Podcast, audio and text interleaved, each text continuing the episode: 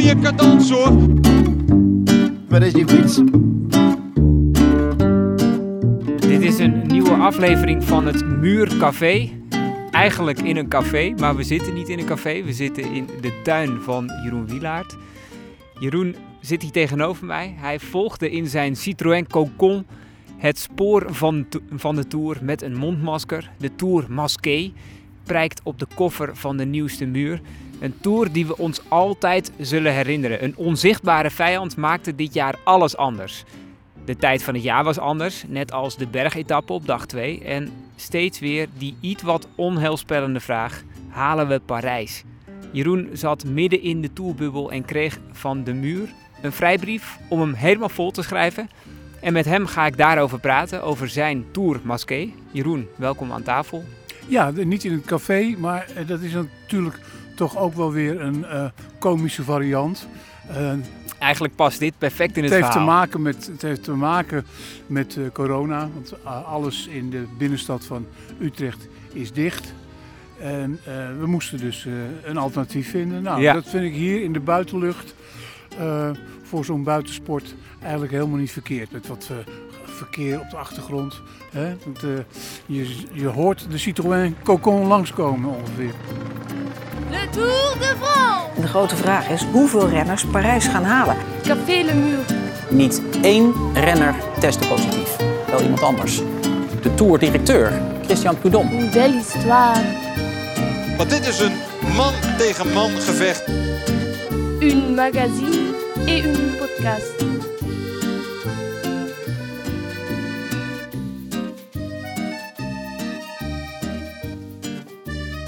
Steeds weer die onheilspellende vraag: halen we Parijs? Nou, het begon eigenlijk met uh, de vraag: gaat de tour wezenlijk wel door? Ja. Want bij het uitbreken van de pandemie had Bernard Hinault, uh, de vijfvoudige oud-winnaar, man van groot gezag, gezegd dat je de tour niet koet koet, uh, koste wat het kost, moet laten doorgaan. Fiets, zegt hij, is wel een feestje. Maar veiligheid gaat voor alles. Niet want, groter dan het leven. Zeker, want zei hij ook, uh, we hebben hier te maken met een putain de maladie. Nou, putain is goed Frans voor hoer, maar ik heb het toch um, vertaald als een kreng van een ziekte. En ik vond dat Bernardino gelijk had. Um, op dat moment waren allerlei klassiekers al geschrapt. Milaan-San Remo, Tirreno Adriatico, Parijs-Nice hebben ze nog wel door laten gaan, maar in een, uh, in een sfeer vol protest. De ploegen. Die dat was echt midden in de, in, de, in de eerste bubbel, hè? of in de eerste, um, in de eerste golf moet ik zeggen. Ja, toen de wereld verschrikt achterover was geslagen en um, zich afvroeg uh, wat de mensheid overkwam. Nou, het was de mensheid zelf die het zichzelf aandeed door uh, als um, um, doorgewinterde internationale reizigers die we met z'n allen zijn geworden, het overal zelf te verspreiden. En um, uh, zo'n peloton werd natuurlijk ook beschouwd als een uh, soort corona-dienst. ja. Een, brand, een rijdende brandhaard. Dus ik vond, hoe graag ik de Tour ook uh, zie en volg en al die andere wedstrijden, het op dat moment een volkomen bagatel. En ik was het ook wel met Bernardino eens. En eh, om terug te keren naar de essentiële vraag of die Tour mogelijk zelfs wel Parijs zou halen. Um, het kwam terecht in een sfeer van algemene afgelastingen, zoals de Olympische Spelen, het Europees kampioenschap voetbal en nog veel meer van dat soort toernooien. Uh, tennis, Roland Garros, uh, Wimbledon, allemaal afgeblazen. Hoe zou dan de Tour de France het flikken om toch door te gaan? Nou, dat heb ik dan uh, die eerste maanden ook beschreven. Eerst dus de relativering en uh, de bagatellisering. En dan de vermetele poging om het toch te laten slagen. Om, te beginnen met de telefoontjes van Christian Prudhomme en zijn staf bij de ASO. Met alle burgemeesters van de etappeplaatsen die op de route lagen. Want al die burgemeesters moesten er natuurlijk eigenlijk voor gaan zorgen dat, uh, dat dit mogelijk was. Dat, die, dat dat peloton in hun steden, in hun gemeentes aan kon komen of kon vertrekken. dat is ehm, normaal eh, een formaliteit. Ehm, maar in dit geval hadden ze natuurlijk ook al van alles aan voorbereidingen achter de rug. Hun eh, deelnamesom betaald. Eh, maar met hun toezeggingen ehm, en de verwachting dat door het uit te stellen eh, in ieder geval de ernstigste top van de coronagolf zou zijn eh, afgezwakt, maakten ze zichzelf ook mede verantwoordelijk voor het doorgaan van de Tour. Zonder hen, zonder die toezeggingen, was het niet gebeurd. En het werd daarom ook mij eh, des te meer duidelijk eh, wat voor een combine de Tour normaal al is met overheden. Ja. Maar nu des te meer. Want eh, nog was het geen achteroverleunen en laat ze maar komen.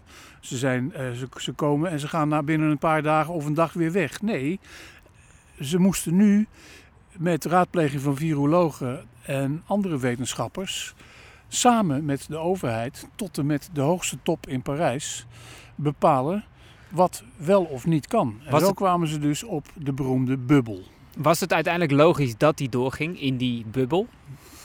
Ehm, nou, het werd nog spannend. Want in de aanloopdagen ehm, nam de pandemie weer toe. En werd het code rouge in eh, Nice en omstreken. Alpes Maritime, het Waar de hele was. departement, kleurde rood. Oranje voor Nederland. Ehm, een, het soort codering voor niet noodzakelijke reizen. Nou, schreef ik dat het in de Tour voor mij geen thuiswerk zou worden. En ik zat in de Citroën Cocon ineens in een toch wel noodzakelijke reis, omdat ik deze opdracht had. En ik vond het leuk, maar ik vond het ook benauwend. Want eh, toen ik eenmaal daar in Nice rondliep met Code Rouge, zag ik wat het betekende eh, voor het feest. Christi- Christian Prudhomme had gezegd dat het een feest zou worden, dat het feest wilde laten doorgaan, zei het. Dat al die glimlachen waar hij eh, altijd over roemt, glimlachen op een rij, kilometers lang, nu achter, die, achter de maskertjes zouden worden verborgen. Ja. Maar daar bleef het niet bij. Ehm, Code Rouge betekende ook dat de presentatie op donderdagavond op de Place Masséna, waar ik toevallig mijn hotel had, eh, van 7000 man publiek was, werd gereduceerd tot 1000. Dat de daadwerkelijke ploegpresentatie op de, ochtend van de, op de middag van de start in Nice, zaterdagmiddag, beperkt bleef tot renners op een podium met het publiek, en dat waren de VIP's uit het Village Départ, op 80 meter afstand. En- Dus de totale sfeer was anders daar. er was niet de vrolijke tinteling van de Tour in de zomer. En dat zei Tom Dumoulin bijvoorbeeld ook in zijn persconferentie vooraf. Dat eh, het niet de sfeer zou hebben die men gewend was. Maar Tour, eh, Tom was ook een van de prominente renners die het publiek opriep om of thuis te blijven... of als ze kwamen afstand te houden en mondkapjes te dragen. In die sfeer moest het gaan vertrekken. Je schrijft dan, en ik wil even beginnen met een ci- citaat. Voor mij is het volgen van de Tour al jarenlang de vervulling van een studentenideaal. Een manier om iets van de illusie van jeugd te behouden. Verslaving aan de permanente reis die de Tour is. Die elf maanden per jaar, per jaar stil ligt en dan weer doorgaat. Het vuur om steeds weer on the road te zijn met de onrust die mijn eigen is. Met mijn gedachten over de absurditeit van het bestaan dat te lijf te gaan door er steeds weer op uit te trekken, door eigen diepe dalen te gaan en om dan weer volop te genieten van de sfeer bij de starts en de vreugde van de mensen bij het passeren van de dorpen. In het deelnemen aan de vrolijke, dan weer vicieuze cirkel van de tour met de verhitte sport in, het, in de kern. Tot het moment is gekomen dat ik dit opschrijf voor de muur, een droomjob die ik niet meer meende te vervullen. Ja, ehm, zo sprak of schreef de oude jongen. En de oude jongen schreef het dus ook zo op voor de muur. Ja. Want ik had het dus eh, in het voorjaar, toen alles stil lag, eh, geen enkele illusie meer dat ik, dat ik naar de Tour zou gaan. Want je had die, die opdracht natuurlijk al van ga voor de muur eh, een reisverslag maken eigenlijk. Of een, of een totaalverslag van wat deze Tour is. En toen kwam corona en ging het allemaal niet door. Dus jij zag ook een, eh, een prachtige opdracht wegvallen. Nee, nee, nee. Het was, was juist door corona en die combinatie met de Tour... dat Bert Wagendorp mij belde na overleg Ah, met Peter Ouwekerk. Nee, het, het was juist dat bizarre gegeven wat eh, Bert zo aantrekkelijk leek. Ja. En samen met Peter Ouwekerk kon hij niemand anders bedenken dan ik. Namelijk ehm, ja, de eh, nomadische toerliefhebber die eh, dat over zichzelf opschreef. Hoe vaak was je al in de Tour geweest? Een keer of v- 25. En was die sfeer waar de- je... de verslaving is het ook wel. En ehm, ik begrijp die oude jongen ook wel goed. En, ehm, maar nu is het alweer zo vreemd. Wij zitten hier gewoon op eh, passende afstand van elkaar in een Utrechtse tuin.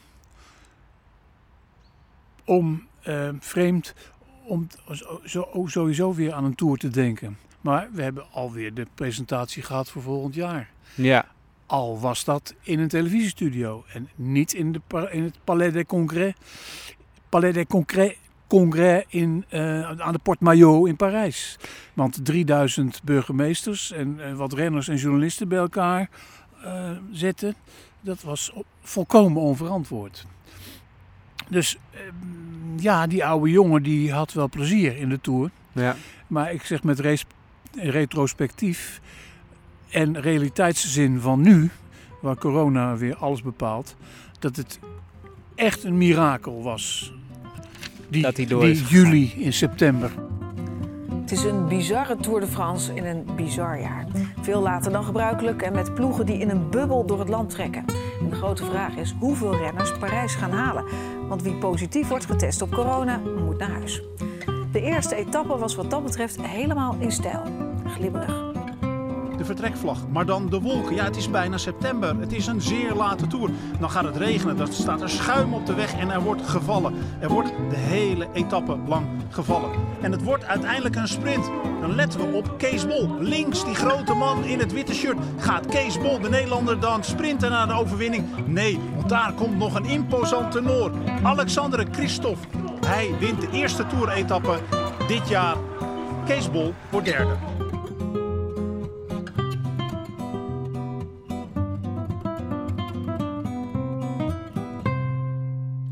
Maar was dit, was dit de mooiste manier om... eh, je bent veel vaker in de Tour geweest. Was dit de mooiste manier om hem, om hem te volgen?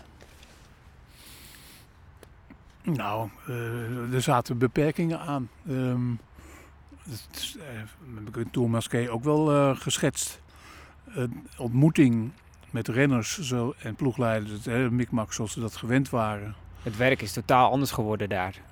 Was ehm, werken op afstand. Niet thuiswerken, maar wel op afstand. Dus je moet je de dranghekken voorstellen, die er toch altijd wel staan. Voor een start of na een finish. Maar er stonden elke dag dwang, dranghekken dwars op. Eh, eh, dus je had die, die, Ja, die, die, Om, om de afstand te je bewaren. had die parallelle eh, eh, hekkenrij langs de weg. En daar stonden haaks eh, met een afstand van 1 meter van elkaar ook weer dranghekken die een soort compartimenten vormden. En daar mocht je dan eh, ook weer op afstand, want in die, om die dranghekken waren ook nog rood-witte li- linten gespannen in het midden. Om die afstand zo echt zo anderhalve meter te houden. En ik, zeg al, eh, al op zaterdag, in de eerste dag in Nice, wat vreselijk geregend. Ik wilde er ook wel eens horen wat Tom Dumoulin ervan vond. Dus dan was Daan Hakkenberg van het Algemeen Dagblad. Ik denk, nou, daar voeg ik me wel bij. Nou, ik werd er meteen nou, dus op mijn vingers getikt. Ik mocht dat niet. Ik mo- mocht niet daar in dat hok. Nee, mee. nee. Dus, dus to- toen moest ik dus even uit die box denken. Nou, ik ben gewoon even iets, Letterlijk. Iets, iets verderop gaan staan. En toen kon ik Tom Dumoulin nog net wel horen. Maar nu, eh, ik noem de naam van Tom.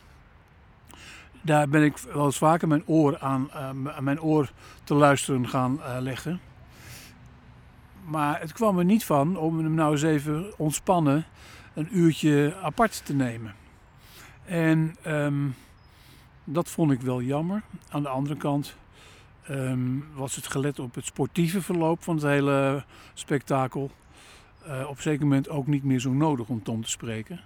Want eh, hij verloor zijn status van kopman vrij snel. Waar hij moest erkennen dat ehm, eh, de Sloveen, eh, eh, Roglic, zijn ploeggenoot, gewoon de sterkste was. En Tom had het niet. Tom, Nee. Tom had niet de allures die hij eerder had in, als leider in de Ronde van Spanje 2015. En als winnaar van de Giro in 2017. Dus had, is ik de, had ik de urgentie niet. En ehm, nou ja, voor de rest was het wat dat betreft improviseren geblazen. En ehm, een van de improvisaties was het contact met Art Bierens, perschef van Jumbo-Visma. Om toch eens te kijken of ik in het hotel van de ploeg kon zijn. Nou, daar kreeg ik dan wel eh, toestemming voor. Eh, weliswaar eh, dat ik afstand moest houden, een mondkapje op. En ik, nou, dat heb ik ook daar gedaan in Sente. Ik heb dat hotel gevonden. En ik ben in de lobby gaan zitten. En ik ben ook gaan zitten tikken aan het boek, aan Tour Masqué. Maar wat gebeurt er nou? Eh, mijn kapje eh, op mijn neus zorgt ervoor dat mijn bril beslaat. Dus ik doe het af en ik leg het naast mijn laptop. Eh, op het moment dat ik arts zie in de lobby, loop ik naar hem toe.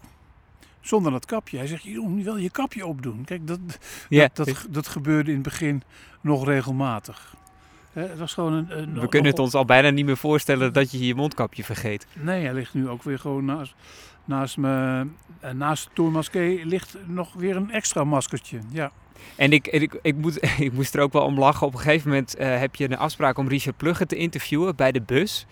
Eh, en dan zie je iemand van de ASO aankomen die iedereen maand om weg te gaan. En dan duik je volgens mij achter een, eh, eh, een vrachtwagen om niet gezien te worden, zodat je later weer toch weer naar die bus kunt. Pas de pres, zei meneer Bourri eh, van de ASO.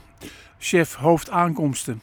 Eh, Dat was ons ook al voorspeld. Dat we niet bij de bussen ons konden vervoegen. Zoals gewoonlijk Ja. op die grote, eh, Belangrijk punt voor Markt. journalisten altijd. al die de grote markt van interviews. Nee, dus die, die, die, die ehm, verwees ons eh, achter de hekken, zeg maar. En ik verschool mij achter de bus van Jumbo-Visma tussen een grote truck van Franse televisie en een van de palmen die daar aan Promenade des Anglais stond. En ehm, maakte mij dus op die manier onzichtbaar.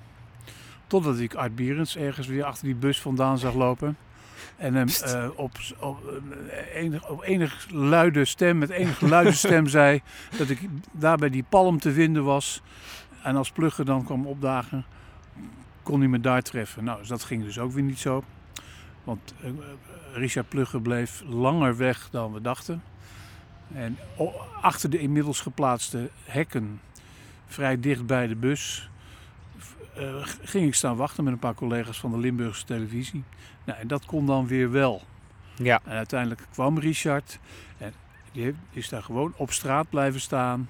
En ik terzijde van zo'n hek en andere, op afstand van anderhalve meter ehm, ja, eh, zijn positie eh, besproken. Namelijk die van een voormalige coronapatiënt. Die met die kennis nu eh, aanwezig hij, wa- was hij was er de slecht aan toe, hè? Ja, in, in het voorjaar. Ja. Ja. Ja. Hij, hij was echt, ik weet niet, hij heeft in, sowieso in het ziekenhuis gelegen. Ik weet niet of hij Ja, ook, in Leiden, Ja. geloof ik. Ja. Ehm, was, hij sprak uit ervaring. dus en de- wist het hoe belangrijk het was dat de maatregelen die waren genomen in acht werden genomen. En dat vond ik ook. Al merkte je ook toch wel gaandeweg in die tour eh, dat het publiek, ondanks de verzoeken van Tom Dumoulin, wel opdringerig was op de kools waar ze wel werden toegelaten. En dat ze heel dicht bij elkaar in de buurt kwamen. En dat het dus heel wonderlijk was dat er geen besmettingsgevallen werden eh, gevonden op de eerste rustdag. Op een paar personeelsleden van ploegen na. Ja, en natuurlijk nog een heel bekend eh, positief geval. Daar komen we straks op. De koers eh, gaat van start in Nice. is dan, eh, we spoelen even door, is dan een week bezig. Etappe 8, de Pyreneeën komen. Je had het al even over Tom Dumoulin. Op een gegeven moment speelt hij geen rol meer. Pinot lost, tot eh, grote ontsteltenis van het Franse volk natuurlijk. Eh, en dan maakt eh, Dumoulin ook een, eigenlijk een beetje een vreemde manoeuvre. Dumoulin kraakt en ziet ze gaan vertrekken. In gezelschap van Yates moet Dumoulin er nu af. Ja, dit is Daar die twee gele truien. Die, voor de is de, die voorste is de leider in het algemeen klassement. En daarachter zit Dumoulin die keihard gewerkt heeft vandaag voor Roglic. Zich voor het eerst echt weggecijferd heeft in dienst van zijn Sloveense kopman. En nu de tol daarvoor betaalt. Dat is normaal dat hij eraf moet na al dat knechtenwerk. Maar het is wel voor het eerst dat we dat echt gezien hebben vandaag. Roglic Jij spreekt dan over eh, het, het platte chauv- de platte chauvinistische reflex. Dat de lol voor Nederlanders nu van de Tour af is. Mhm. Ja, Wat bedoel je daarmee? Nou ja, eh, eh, ik heb ook eh, in Tour Masqué eh, beschreven dat er een, in Nederland een olifant van een discussie eh, race. eh, waarop eh, verschillende varianten denkbaar waren. Eh, en een van de eerste was eh, voor de rug nummer 14 de Cruyffiaanse waarheid. Dat je kop eraf gaat als je het kopmanschap laat vallen. Ja. En er werd ook ongelooflijk gepsychologiseerd. Maar er werd vooral heel erg plat gescholden en afgerekend met Tom Dumoulin. Ja. Want nu hij op die manier als een gek ging zitten knechten daar in de Pyreneeën, eh, maakte hij ook een eind aan alle illusies over een, eh, over een derde Nederlandse toerzegen. Ja. Eh, want Nederland zat ouderwets alweer het feestje vooraf te vieren. En werd gefrustreerd door de werkelijkheid. En maar dan- dat is natuurlijk dan- wel waardoor veel Nederlanders kijken. Als er nog de de, hoop is dat, dat iemand het kan, een Nederlander het kan redden. Ja. Dat kluistert veel Nederlanders ook aan de buis. Ja, maar natuurlijk. Ehm, maar is het niet hoogst chauvinistisch? Aan de andere kant was het met Pinot ongeveer hetzelfde. Eh, met Bardet later. Ja, die- die valt en krijgt een hersenschudding. Ja. Guillaume Martin, de filosoof op de fiets, is nog eventjes derde, wordt elfde. Maar dat werd in Frankrijk toch met minder hoon ontvangen dan in Nederland. Nederland eh, wil eh, graag een sportfeestje vieren, vooral in coronatijd. En dat zien ze dan eh, Door de neus geboord door de worden. neus geboord worden door die Tom Dumoulin. En ineens is hij ook nog, ineens is hij volkomen waardeloos. Nou, Jij dat- schrijft dat eigenlijk dat je vooral een, ordinair. een, een innerlijk gevecht ziet bij Tom Dumoulin. Ja, ehm, namelijk de worsteling van een topsporter en, en een mens met de hem toegedichte eh, status, de hem eh, toegeblazen eh, verwachtingen en ook weer de realiteit van het feit dat hij, dat hij een heel lang had stilgelegen. Weliswaar een goede Dauphiné Libéré had gereden, zonder te vallen. En ehm, met vertoon van vorm. Dus ja,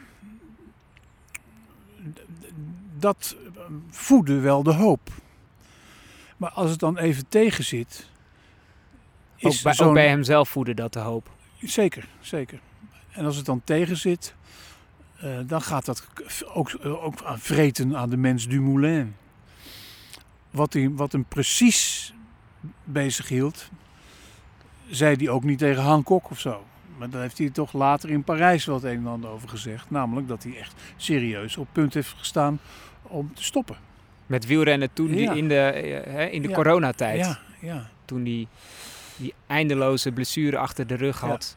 Aan het terugkomen Maar was. dit- maar dit is ehm, hoe dan ook eh, natuurlijk een, een innerlijke strijd. En die ehm, vecht hij nu ook uit, nu hij de Vuelta heeft moeten verlaten. En ik heb daar in die bubbel van het hotel in Cente ook over gepraat met ehm, technisch directeur Zeeman. En die eh, maakte zich ook eh, kwaad over hoe iedereen in Nederland eh, daar ineens maar met allerlei verklaringen naar buiten kwam. En op dat moment was hij heel beschermend en, en ehm, eh, nog ehm, ehm, langmoedig over, over Tom Dumoulin. En ehm, hij zei ook dat de menselijke factor voor hen heel belangrijk is. Want ik had hem gezegd van, joh, we hebben niet te maken met robots. Hè? Maar dat heb ik natuurlijk al veel langer door. Dat, maar ja, het is over het algemeen zo. Hè? Eh, ook voetballers, eh, of Epke Zonderland, of onze schaatsers. Eh, het, algemene publiek beschouwt ze als ehm, ehm, een soort ehm, winst, eh, winstpersonages op bestelling. Eh, zij zijn degene die voor het feest moeten zorgen. En over het algemeen worden ze ook wel gewaardeerd door hun arbeid. Ze worden daardoor bewonderd, omdat ze eh, het schier onmogelijke verrichten. Maar het blijven mensen. Ja, ja en zeker Dumoulin. Ja.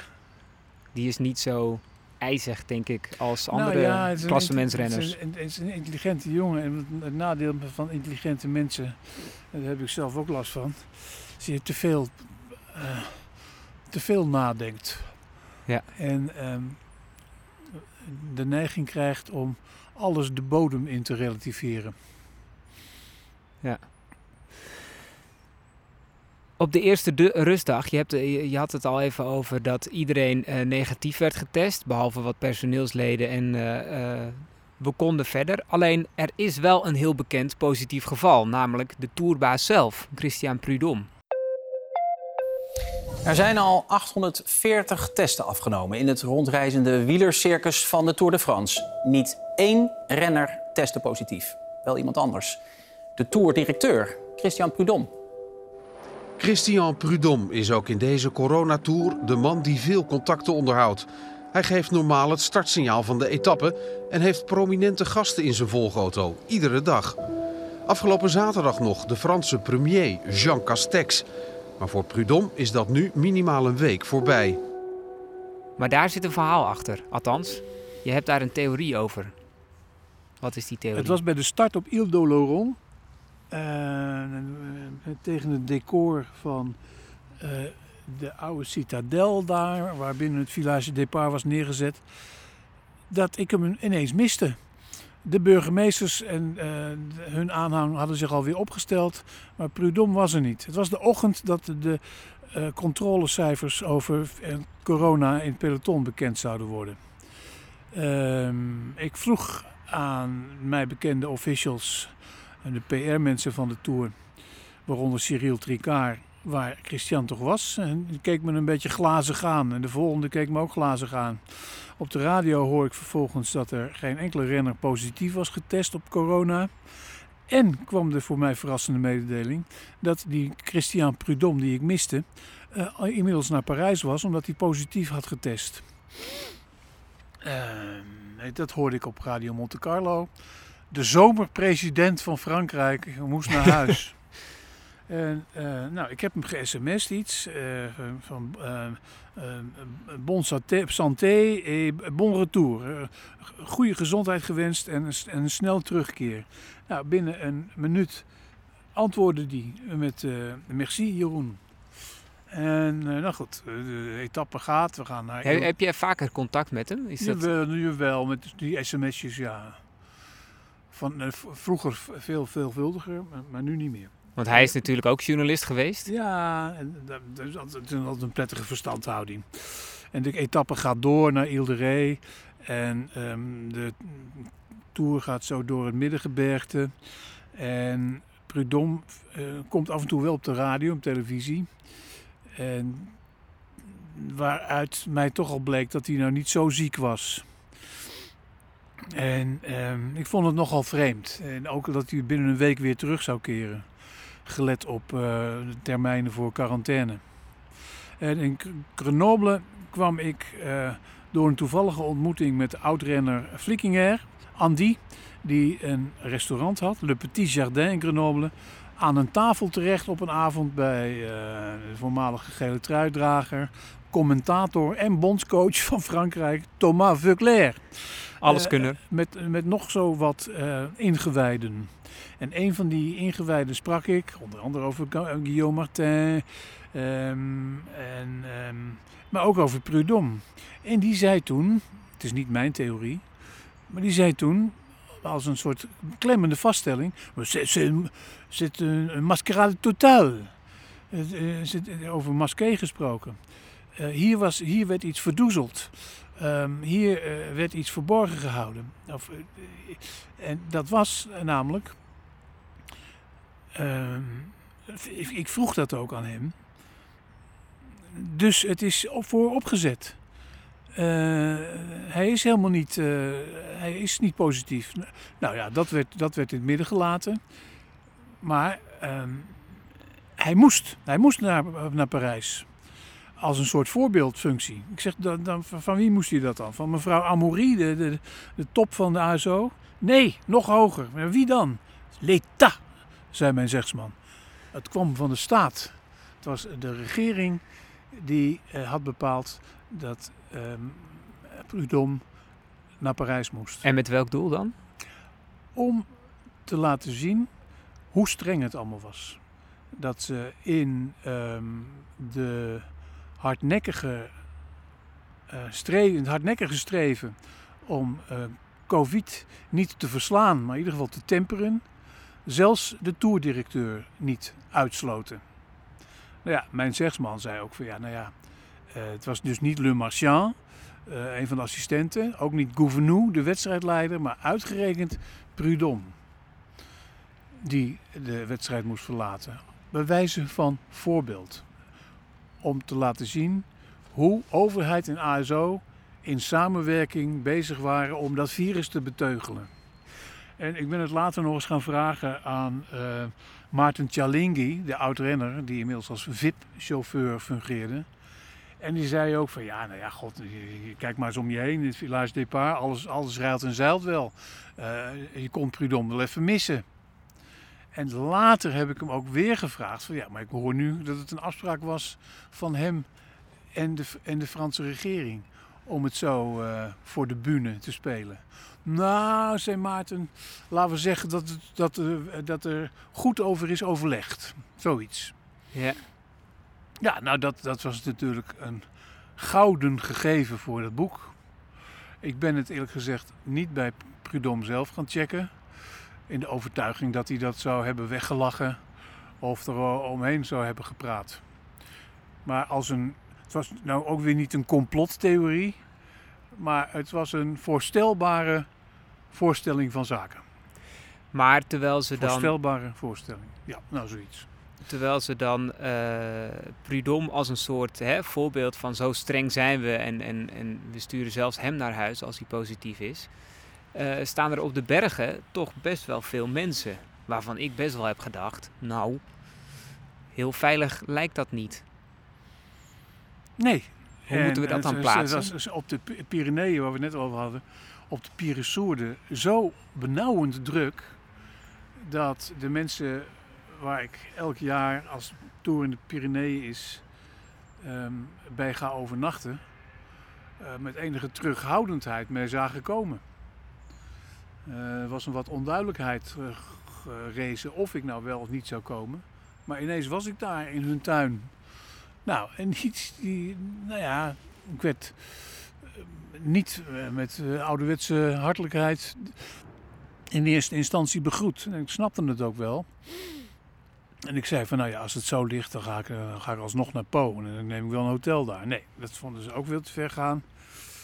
Eh, ik kon dan één nacht blijven. En eh, nou, dat ging mee akkoord. Zo is goed, is goed. Het was al vrij laat, het was kwart voor negen of zo. En ik kon nog even een pizza mee eten. En er waren andere gasten ook bij hun. Ja, die heb ik heel genoeglijk verteld wat ik eigenlijk, wat ik eigenlijk aan het doen ben, was.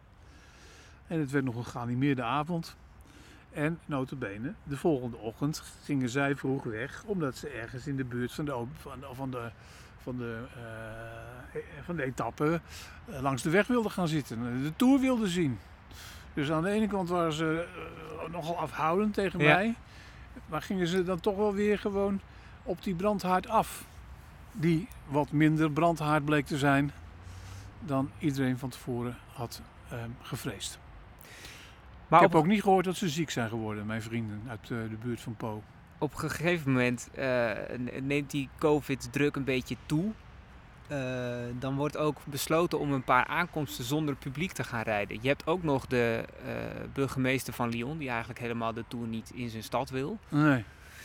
Ehm, dan is er even geen publiek op de aankomsten, maar al vrij snel weer wel. Nou ja, in Lyon, eh, uitgerekend datzelfde Lyon, die burgemeester eh, die uh, schade zich in het gezelschap van, zoals het in Frankrijk, he- Frankrijk heet, ecologisten. Nou, zijn eh, milieuijveraars, niks mis mee. Eh, behalve met wat deze burgemeester zei, eh, namelijk dat de Tour een milieuvervuiler van de hoogste, bovenste plank is. En bovendien veel te machista, veel te, veel te eh, mannelijk. Nou, dat, eh, dat kun je weerleggen. De Tour heeft uh, grootst mogelijke zorg voor het milieu. En eh, organiseert notabene ook wedstrijd voor vrouwen. Dus een beetje flauwekul. Maar los daarvan. het gekke was, de aankomst uit, geloof dat het ehm Chauvigny, ja, ze starten uit ten westen van, van Poitiers. En kwamen aan met, eh, met die twee beklimmingen in Lyon. En die stonden helemaal vol met mensen. Het was het, eh, de, coupe, de Coupe Lyonnais van Sunweb. Ze, eerst ging Benoot weg. Ehm, en uiteindelijk ehm, eh, was het de Deen die wint. De Deen wint. Søren Kragh Andersen. Ja. In een volkomen lege straat. Dus eerst die, die, die, die, die, die beklimmingen stonden vol met, eh, met uitzinnige eh, tourfans. Totaal anders dan hun burgemeester. Maar de finish was helemaal leeg gelaten. Dat was een maatregel. Omdat het ook COVID in Lyon weer toenam. Maar een straat verderop, de Rue de la République volgens mij uit mijn hoofd, waar heel veel winkels zijn, wemelde het weer van het winkelend publiek. Die geen enkele belangstelling hadden blijkbaar voor de Tour. En wel voor die winkels en voor de snacks en voor de terrassen. Dus dat soort tegenstrijdigheden Dus hij wilde, hij wilde iets, hij, die burgemeester van Lyon zeg je eigenlijk, die wilde iets, eh, die wilde iets zeggen van de Tour. En niet per se eh, omdat hij eh, de maatregelen omtrent COVID strenger wilde. Ja, die moet je los van elkaar zien. Hij had, hij had, hij had een bepaalde opvatting over de milieuschade van de Tour. Maar die stond volkomen los van COVID. Eh, kijk, in, die ehm, ehm, ehm, dynamiek van de maatregelen heb je los van de burgemeesters ook te maken met een prefect. En dat is dus ook de prefect van de, de regio, departement waar eh, Lyon onder valt. Dus dat is, stond volkomen los van, eh, van de bezwaren die die burgemeester sowieso al had geuit. Alleen, het was zo vreemd, zeg je net al, dat die finish in een soort vacuüm zich afspeelde, waar de rest van Lyon eh, ongelooflijk eh, druk was. Ja. ja. En op de bergen dus ook heel druk. Nou ja, dat kwam de dagen daarna. eh, de, op de Col de la Madeleine was het voor publiek verboden. Ja. Maar die Col de la Loze, na Meribel, die hele nieuwe kli- beklimming, eh, was er wel weer redelijk veel publiek. Dus ja, het was maar hoe de pet stond van de prefecten. Eh, of de ASO eh, wel of niet meeging in het sluiten van calls voor het publiek. Hoe werd daar eigenlijk in de Franse media op gereageerd? Want je hebt ook de Franse kranten en de Franse radio en de Franse televisie gevolgd. Hoe werd er gekeken naar die tour en dat die eigenlijk in een soort eh, ja, vacuüm door het land trok? Nou, ehm, in het begin eh, waren er nog wel kritische vragen. Bijvoorbeeld in Nice Matin. Eh, daar werd ook de prefect van eh uit Maritiem ondervraagd, geloof ik, een meneer González. En die zei toen ook van, ja, weet, je kunt beter kijken naar de fantastische televisiecoverage. Blijf thuis. Ja. En, en er- waren eh, eh, kritische geluiden uit de mond van andere ehm, opstandige burgers die zich hadden verenigd in bepaalde comité's. Van ja, je kunt, eh, eh, hoe kun je het nou laten doorgaan terwijl we met z'n allen eh, het consigne krijgen om, om, thuis te blijven. Dus de, de, die kritiek werd wel degelijk ook ehm, ehm, genoteerd, gesignaleerd en opgeschreven. Franse, ook Franse radiocollega's hadden ehm, dit soort vragen gesteld aan de burgemeester van Nice, meneer Christian Estrosi. Eh, maar die zei ook dat eh, toen de Tour eenmaal eh, reed, die vragen ook verstomden. En dat merkte ik ook. In een, in een paar dagen was die kritische benadering weg en maakte het plaats voor een voorzichtig soort enthousiasme dat die Tour toch maar ehm, werd verreden. eh, als een soort van een, een dappere daad. Nou, ik zei steeds ook tegen mijn collega's en ik vond het wel ballen hebben. Eh, maar het fungeerde ook eh, als een hele welkome afleiding notabene van de viruszorgelijkheid. Die ook gewoon natuurlijk in Frankrijk nationaal was neergeslagen tijdens het confinement. Een lockdown van je welste. Die eh, Rutte en consorten hier in Nederland absoluut niet waagden in te stellen. Dus de Tour De werd Tour eigenlijk was een- steeds de meer Tour was Tour. een verzetje. Ja, maar de, de Tour werd dus ook Ja. steeds meer de Tour zoals Ja. die eigenlijk bedoeld is. Ja, en eh, het kreeg nu een dubbele lading. Omdat de mensen maar al te graag de deur uitgingen waar het kon. Want het was eh, na al die maanden van opgehokt zitten thuis. Zo ook maar weer eens even een kermisoptocht van je welste die eraan kwam. Want dat is het ook. Ik heb heel vaak gezegd, de Tour de France is drie weken lang Elfstedentocht. Nou, dat was het nu weer. Ja. En Een beetje, ik- beetje ik- ik- ik- wispelturiger. Ik, ik vertel je, als, als eh, die, die, die golf aanhoudt, wat juist als wij zitten te praten niet waarschijnlijk is. Maar stel, die golf is toch op, op, op zijn hardnekkigst en eh, het, vriest en het kraakt en de Elfstedentocht kan doorgaan, dat die wordt afgelast door Rutte en consorten. Ja. Maar dat, ze, dat er toch een aantal diehards zullen zijn die hem zullen rijden. En daar worden prachtige stukken over geschreven. Ja. Dan nog even terug naar de koers, want eh, de Alpen komen. De, eh, intussen wordt duidelijk dat eh, Bernal, een van de, nou ja, misschien toch wel de gedoodverfde favoriet voor de Tour voorhand, die haakt af. Die gaat het niet waarmaken en het wordt duidelijk dat het een Sloveense strijd wordt tussen Roglic, die we natuurlijk al vrij goed kennen, en Pogacar, die we eigenlijk nog helemaal niet zo goed kennen. Althans, ehm, Inclusief de uitspraak van zijn naam. Eh, Han Kok die had er in het begin ook moeite mee. En ik zelf struikelde ook nog wel eens even over de beklemtoning van wat is nou de tweede juiste... lettergreep. Pogacar moest je zeggen. Pogacar, Ja. is dat het? ja, nou dat hoorde ik ook van de Sloveense collega's. En eh, ja, nee, dat werd het. Maar bij Bernal speelde eh, eh, ook nog iets anders. In de gelederen van Ineos. En dat hoorde ik ook op die beroemde avond met, aan tafel bij Veuclair. Een van de zegslieden zeiden van nou, Ineos is in het voorjaar ook nog eens een keer heel ernstig getroffen door het overlijden van Nicolas Portal. Oud-renner, inmiddels ploegleider, die ehm,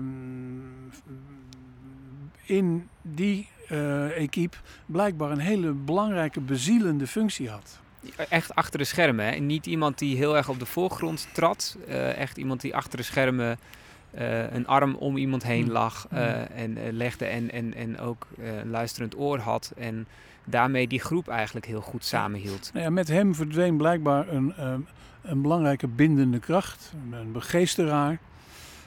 En met eh, COVID en eh, alles wat dat meebracht aan onzekerheden en doorkruisingen van trainingsprogramma's, wel of niet, ehm, was Bernal eh, een van de, mensen die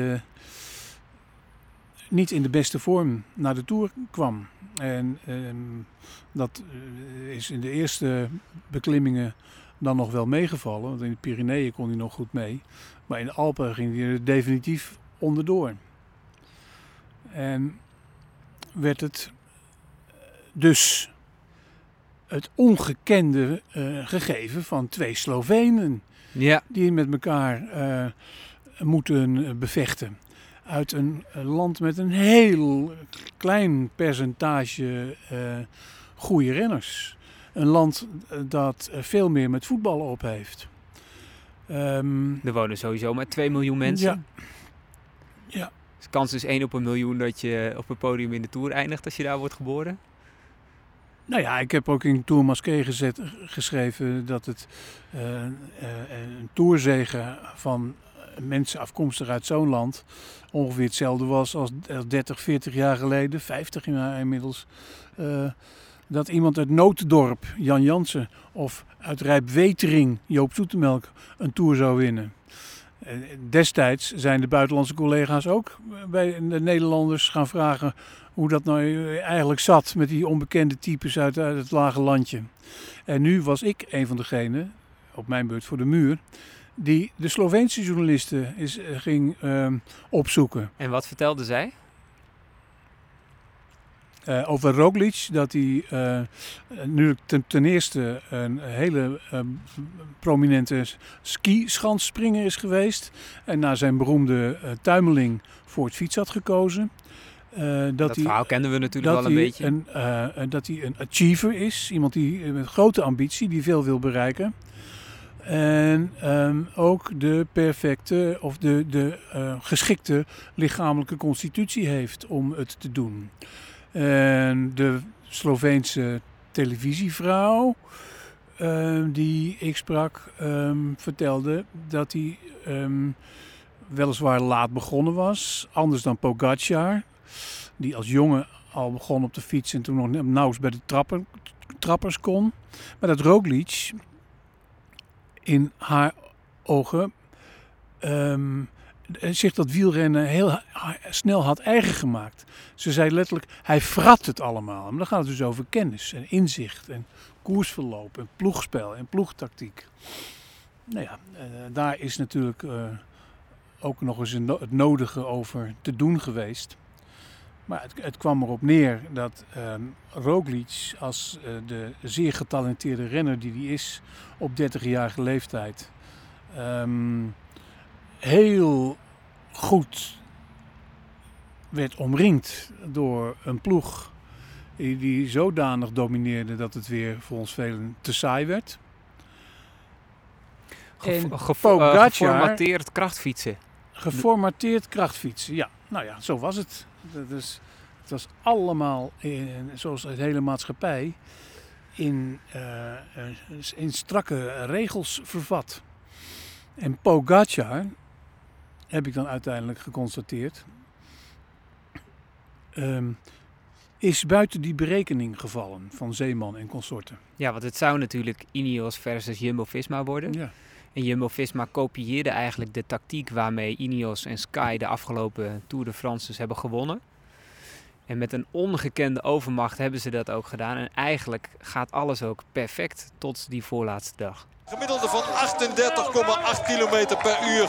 En dan eh, moet hij echt in de remmen daar eh, naar die finish. Ze kunnen hem niet bijhouden, de mannen die daarbij willen blijven. Natuurlijk mannen van radio en televisie, maar vooral ook zijn verzorgers. Die toch heel graag gewoon hem even in de armen willen vallen. Nu hebben ze hem te pakken. Man, wat heeft die jongen een tijd gereden. En dan kijk ik weer naar Roglic. Ja, het ziet er gewoon op dit moment ook gewoon niet goed uit. Hij gaat... 1 minuut en 50 seconden is hij hier al langzamer op anderhalve kilometer van de streep dan Tadej Pogacar.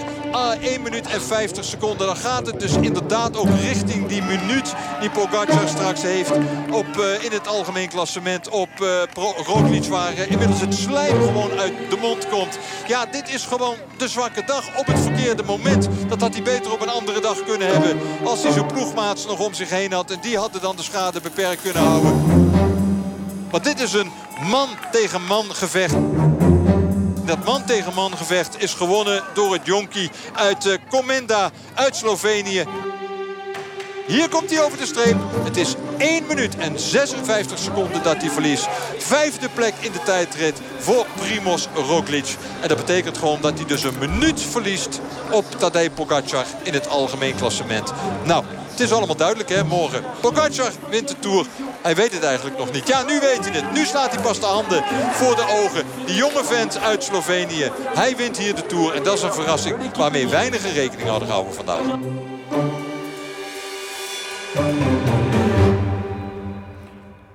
Waar ze niet, ook niet voldoende mee hadden gerekend. En dat is bijna een soort van tunnelvisie bij Jumbo-Visma. Is hoe Pogacar profiteerde van hun dominantie. Want elke dag, vooral bij de beklimmingen, was te zien hoe hij uh, meefietste in het spoor van Jumbo-Visma. Alsof hij de negende Jumbo was. En ze reden hem er op die manier ook niet af. Sterker nog, uh, hij kon in dat kielzog enigszins uh, economiseren, hè, zijn krachten sparen. Om dan uh, op passende momenten, zoals op de Peresourde, ten aanval te trekken. En blijkbaar, en dat ze bij Jumbo-Visma ook geen rekening mee gehouden, had hij nog zoveel over dat hij op de voorlaatste slag, dag, de, hè, de beroemde tijdrit naar Plans de Belleville, um, nog heel veel energie over te hebben als 21-jarig talent. En Roglic blokkeerde. Maar was dat te voorspellen?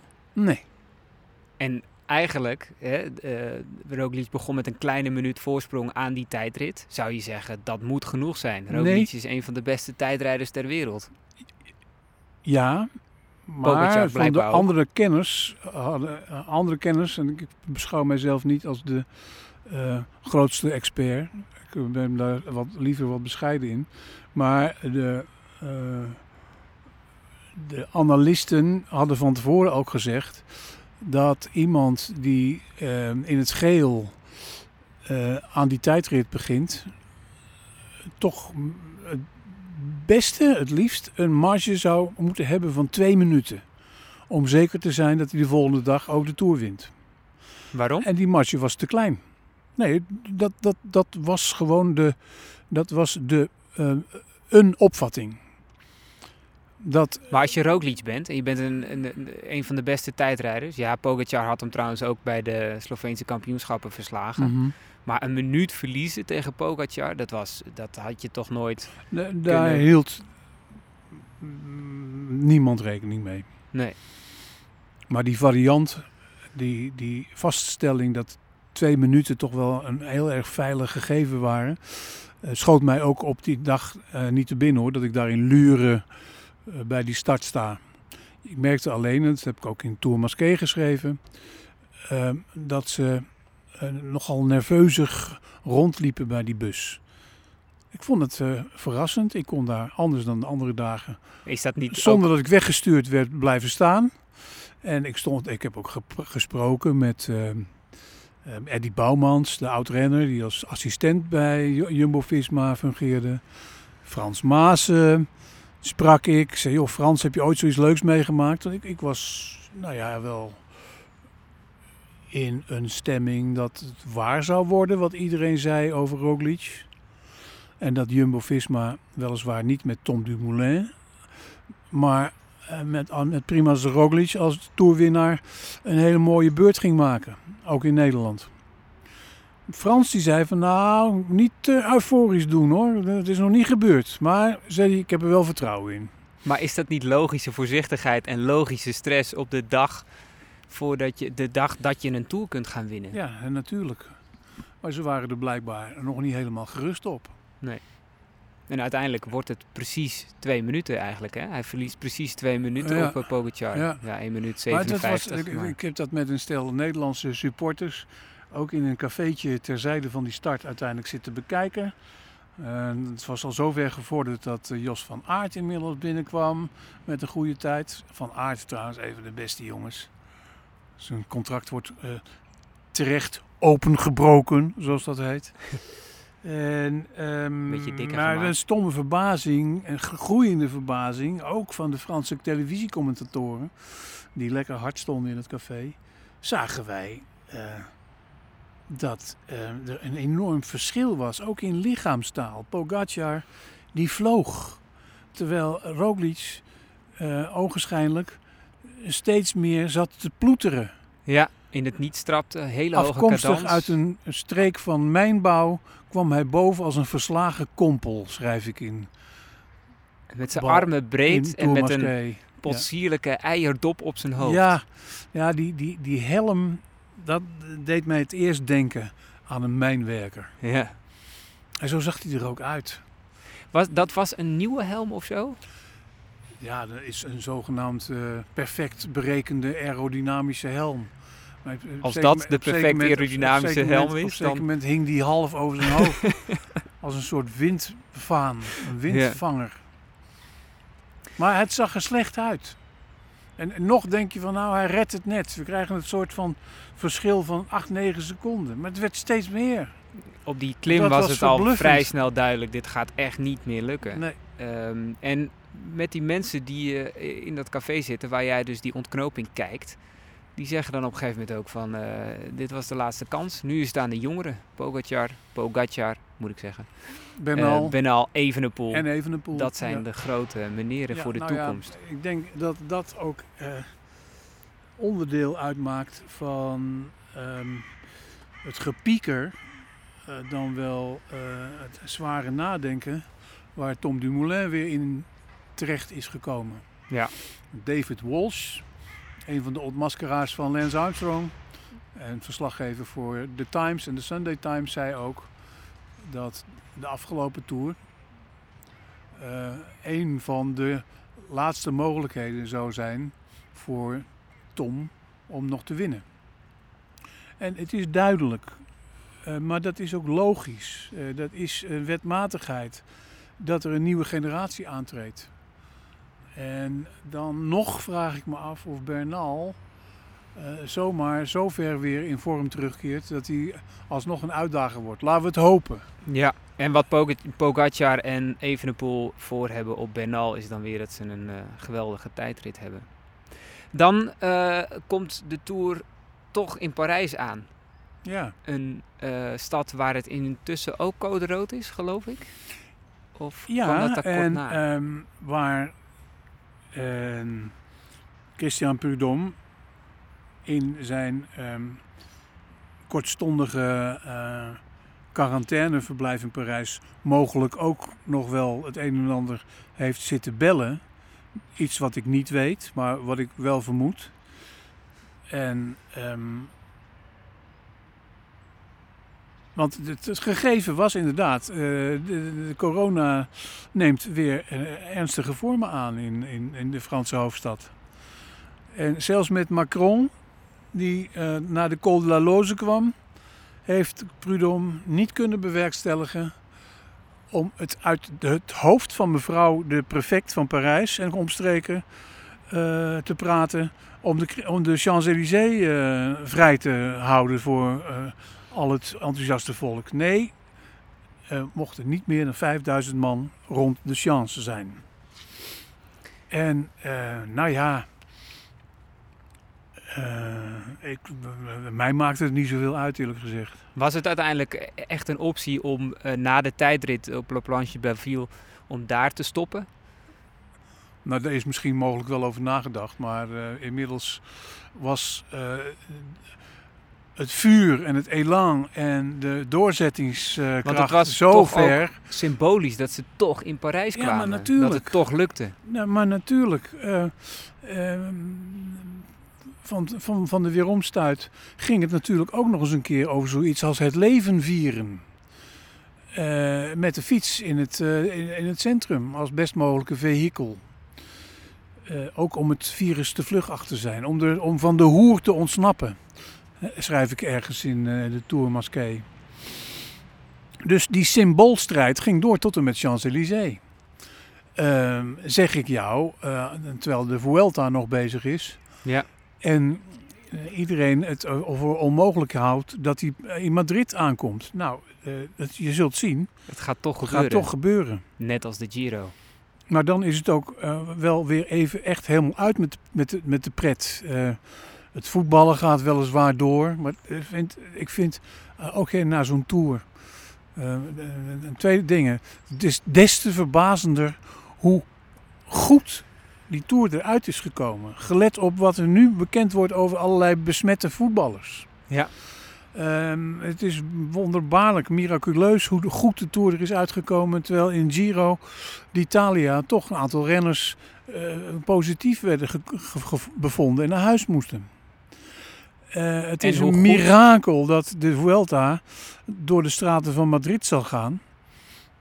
Maar dan is dat bij wijze van spreken als groot eh, opgezet medisch experiment ook wel eventjes voor een paar maanden voor goed afgelopen.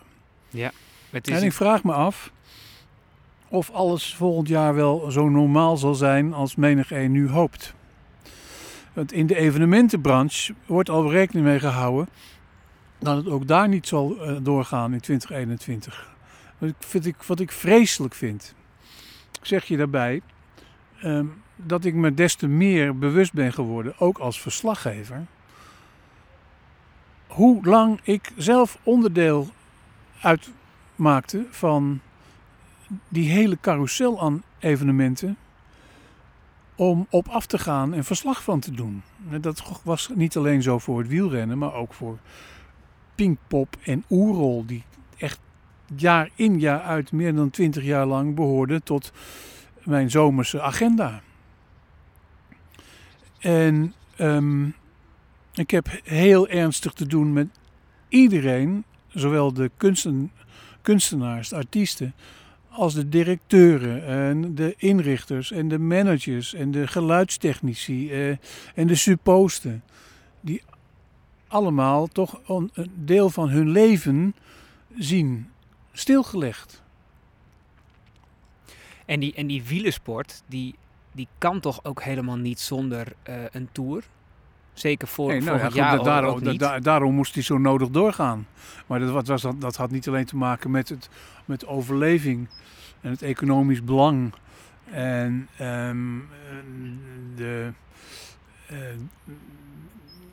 bedrijvigheid van het wielrennen. Ehm, de Tour heeft door moeten gaan, omdat het een algemeen Frans belang is. Namelijk een cultureel monument zonder weerga. Een marketingvehikel eh, dat al meer dan 100 jaar, eh, en dat is in die eeuw natuurlijk sterk gegroeid. En door alle trucages en alle mogelijkheden van de televisie alleen maar nog meer uitgebreid. Eh, zodanig dat als dat wielrennen dat zo, dat zo voor zijn plaats knokt, er eens even een anderhalve dag één grote saaie doortocht van maakt.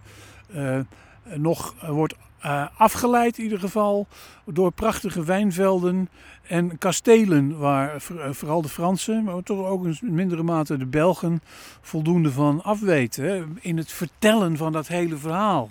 En dat verhaal, ehm, jij begint over het economisch belang, is breder dan dat. De Ronde van Frankrijk is veel meer dan fietsen alleen. En op die jongen eh, terug te komen die jij in het begin citeerde, zo heb ik het ook altijd ehm, beleefd. En het, dus- is, het is een, het is een, ehm, een complete, eh, dynamische trektocht. Een, een ehm, opwindende on-the-road reis rond een fietswedstrijd. En een verhalenmachine. Ja. En dat verhaal ligt, eh, ligt voor je op tafel. Dat verhaal eh, is uiteraard te bestellen via www.uitgeverijdemuur.nl. En daar kun je ook de foto's bestellen die Klaas-Jan van der Wij heeft gemaakt. Die Mhm. ook in de, in de muur Masqué staan. Of in de Tour Masqué. Die die sorry. prachtige coverfoto ook heeft gemaakt. Met dat mysterieuze oog van Peter Sagan. Dat boven zijn maskotje en onder zijn muts de wereld intuurt. Omineus. En laten we hopen dat hij naar Geladen. een mooi naar 2021, als hij dan nog fietst. Denk je dat Peter Sagan nog fietst in 2021? Voor de lol. Voor de lol. Dan doet het nog wel hoor. Hij is, Hij, eh, ja, hij heeft ook iets relativerends gekregen. Hij heeft natuurlijk ook privé moeilijkheden gehad. Eh, hij was niet in de beste vorm. Hij heeft het nog wel geprobeerd. Uiteindelijk heeft hij in de Giro met een voor hem vrij uitzonderlijke solo toch nog eens een keer een, een, een ritoverwinning behaald. Ehm, maar ik, ik maak mij over Peter niet, zo, niet zulke zorgen. Gelukkig. Tom is een. Tom. Moeten we eigenlijk eh, met z'n allen uit een soort betrokkenheid instralen dat hij wel goed is. Laten we niet te hard voor Tom zijn. Jeroen, bedankt Graag voor gedaan, dit gesprek. Benjamin. Dit was het Muurcafé vanuit de tuin. En bedankt voor het luisteren. Graag gedaan. Maskertje weer op. In deze podcast hoor je fragmenten van de NOS. Heb je genoten van deze podcast? Schrijf dan een review, bijvoorbeeld in iTunes, zodat ook andere mensen deze podcast kunnen vinden. En wil je verder luisteren? Misschien is ons podcastverhaal over Aard Vierhouten dan iets voor je. Aard Vierhouten had in de Tour van 2002 een slechte dag. Een hele slechte dag. Aard Vierhouten moet lossen uit het peloton. Ziek, misselijk. En dan krijg je dit. Het is knoerhard de wet van de Ronde van Frankrijk. Maar op zieke renners wordt niet gewacht. Aard Vierhouten haalt de finish, maar daarna komt hij in het ziekenhuis terecht. Het gaat zo slecht met hem dat hij denkt dat het einde nadert. Aard ehm, voelt dat het klaar is, dat, dat hij gaat sterven. En dan ziet hij ook eh, een, een fel licht, zoals hij het beschrijft. Voor zijn gevoel is dat het einde. weet ik dat ik eh, ja, eigenlijk niet meer bij was. En eh, toen eh, kwam ik in een soort van ja, tunnel terecht van onwaarschijnlijk fel groot wit licht. En zo'n beest die aankijkt en, eh, en nog eens weghuppelt en weer omdraait. Ja, toen, was het niet... eh, toen dacht ik wel van, eh, oké, het verhaal is over. Dat besefte ik toen pas op dat moment voor het eerst van, eh, nou, dit was het. Over en uit. En ehm, dat is natuurlijk, natuurlijk een enorme paniek. Hij heeft twee jonge kinderen. en hij, hij ziet ze ook voor zich. En, en ja, hij neemt als het ware neemt hij in zijn hoofd afscheid. Dan komt er een soort rust over hem. Ik kan toch niet, niks meer doen. Het is klaar. En, dat is, dat is, dat is, en, en, vanaf die tijd mist hij gewoon ook een heel stuk. Want nou ja, Art Vierhouten leeft gelukkig nog. eh, dus het is niet het einde geweest. Maar ehm, ja, dan is hij volledig kwijt wat er gebeurd is. En, en, en, en, en jarenlang eh, heeft hij niet geweten, eh, bijna twintig jaar lang heeft hij niet geweten wat er eigenlijk precies gebeurd is. Totdat de ploegarts en hij elkaar weer ontmoeten. En hoe dat ging, hoor je in ons podcastverhaal.